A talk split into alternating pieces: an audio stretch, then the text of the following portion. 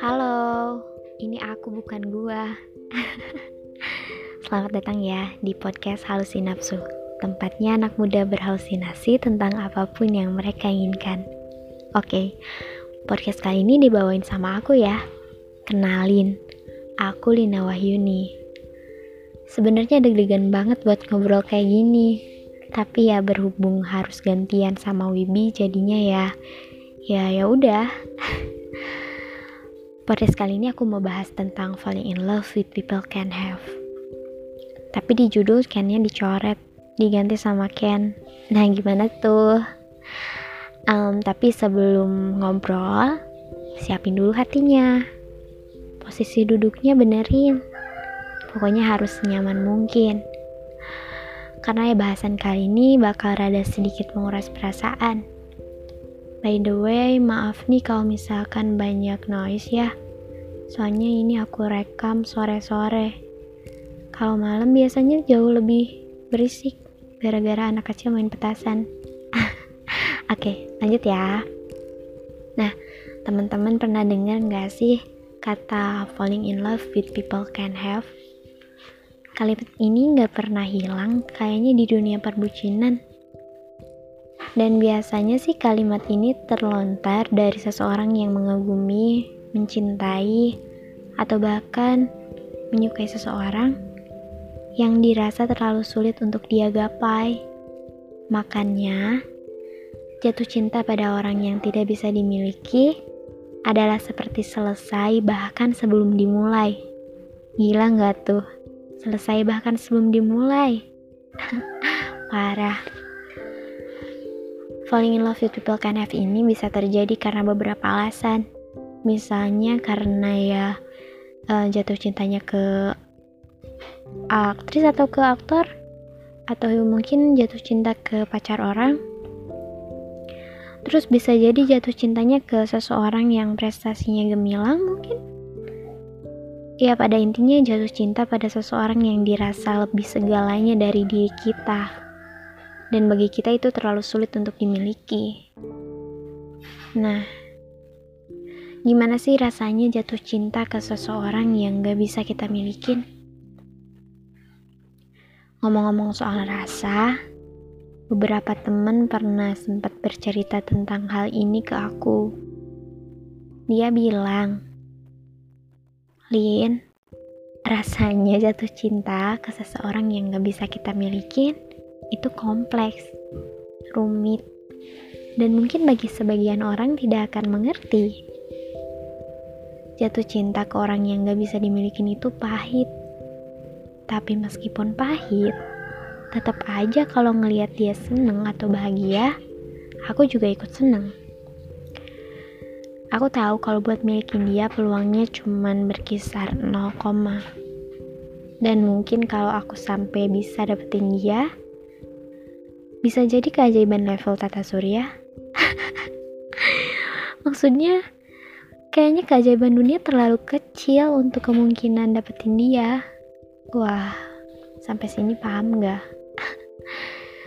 Maksudnya teman-teman, orang-orang yang ngerasa jatuh cinta ke orang yang menurut dia nggak bisa dimiliki, dia bilang peluangnya cuma 0, loh.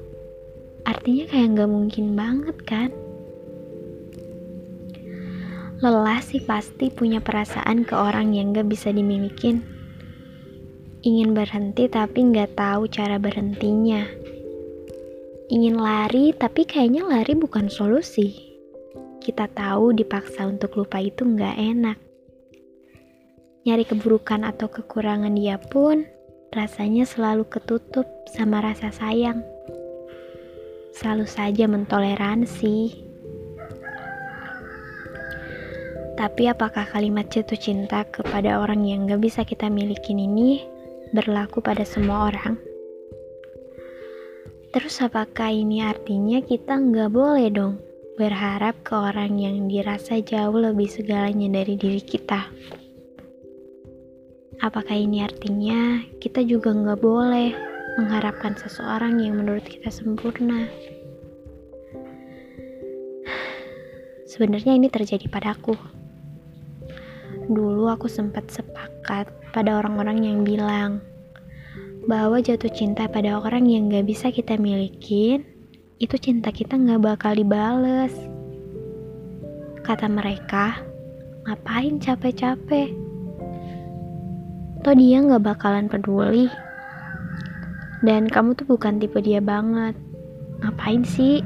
Mending cari yang sekiranya masih mungkin dan juga kalimat-kalimat lain yang mengatakan secara enggak langsung kalau sebenarnya kita harus mundur. Tapi 2019 kemarin aku nggak percaya ini lagi.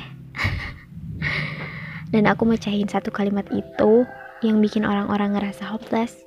Ya ke diri aku sendiri. Dan falling in love with people can have nggak berlaku lagi bagi aku sejak 2019 kemarin. Nanti deh aku cerita lebihnya di episode selanjutnya aja. nah, terus bukannya orangnya bukan orangnya yang nggak bisa kita milikin teman-teman, tapi sebelum jauh, tapi sebelum lebih jauh dari itu, coba deh kita lihat ke diri kita sendiri dulu. Coba bedain mana cinta, mana cuma ambisi. Dan seharusnya kalau cinta nggak bakal maksa. Tapi sebaliknya, cinta itu soal ikhlas. Ikhlas mencintai seseorang, ikhlas menerima kekurangan diri sendiri dan juga pasangan, atau bahkan ikhlas dalam melepaskan. Ikhlas luas dan juga sadar diri penting. Maksudnya ya, kita harus menyadari juga kekurangan dan kelebihan yang kita punya. Dan sadar diri bukan artian rendah diri, intinya be yourself. Berharap pada orang yang dirasa jauh lebih segalanya dari kita nggak salah kok. Siapa coba yang gak mau punya pasangan yang baik, yang pintar, yang tampan, yang soleha, yang soleh. Cuman ya, kalau menurut aku ada dua hal yang gak boleh kita lupain. Yang pertama, jangan malah rendah diri dan ngerasa gak layak buat dicintai. Kamu itu cantik, tampan, baik, pantas untuk dicintai. Di luar sana banyak yang ingin juga ketemu kamu. Kuncinya ya jujur dan jadi diri sendiri. Itu cukup. Percaya nggak kalau sebenarnya cantik atau tampan itu bisa muncul gara-gara sikap dan perilaku yang kita lakukan? Hmm, aku percaya banget. Karena kalau kita pilih pasangan, apalagi untuk berkomitmen hidup bersama, satu persen kita hidup dengan fisiknya, 99% kita hidup dengan perilakunya. Entah itu kebiasaan atau cara dia bersikap. Nah, yang kedua ini paling penting dan biasanya bisa nahan kita buat nggak terlalu berharap lebih sama orang lain. Yaitu Beberapa hal di dunia ini memang dirancang untuk tidak bisa selalu semau kita. Ada hal yang gak bisa untuk dipaksakan. Ada hal yang harus kita terima, meskipun itu menyakitkan. Intinya jangan maksa sesuatu yang di luar kapasitas diri kita. Tapi yang gak boleh minder juga. Aku layak dicintai. Kamu layak dicintai kita layak dicintai. Semua orang layak untuk dicintai. Satu hal, kita nggak bisa milih pada siapa kita jatuh cinta, tapi kita bisa menjadikan diri kita layak untuk dicintai. Intinya be yourself dan jangan maksa. Mungkin sekian dulu ya, kayaknya podcast dari aku. Berhubung nggak bisa terlalu banyak ngobrol juga gara-gara ini masih latihan. Intinya jangan lupa untuk mencintai diri sendiri bersyukur dan juga um, tetap positif. Semangat. Dah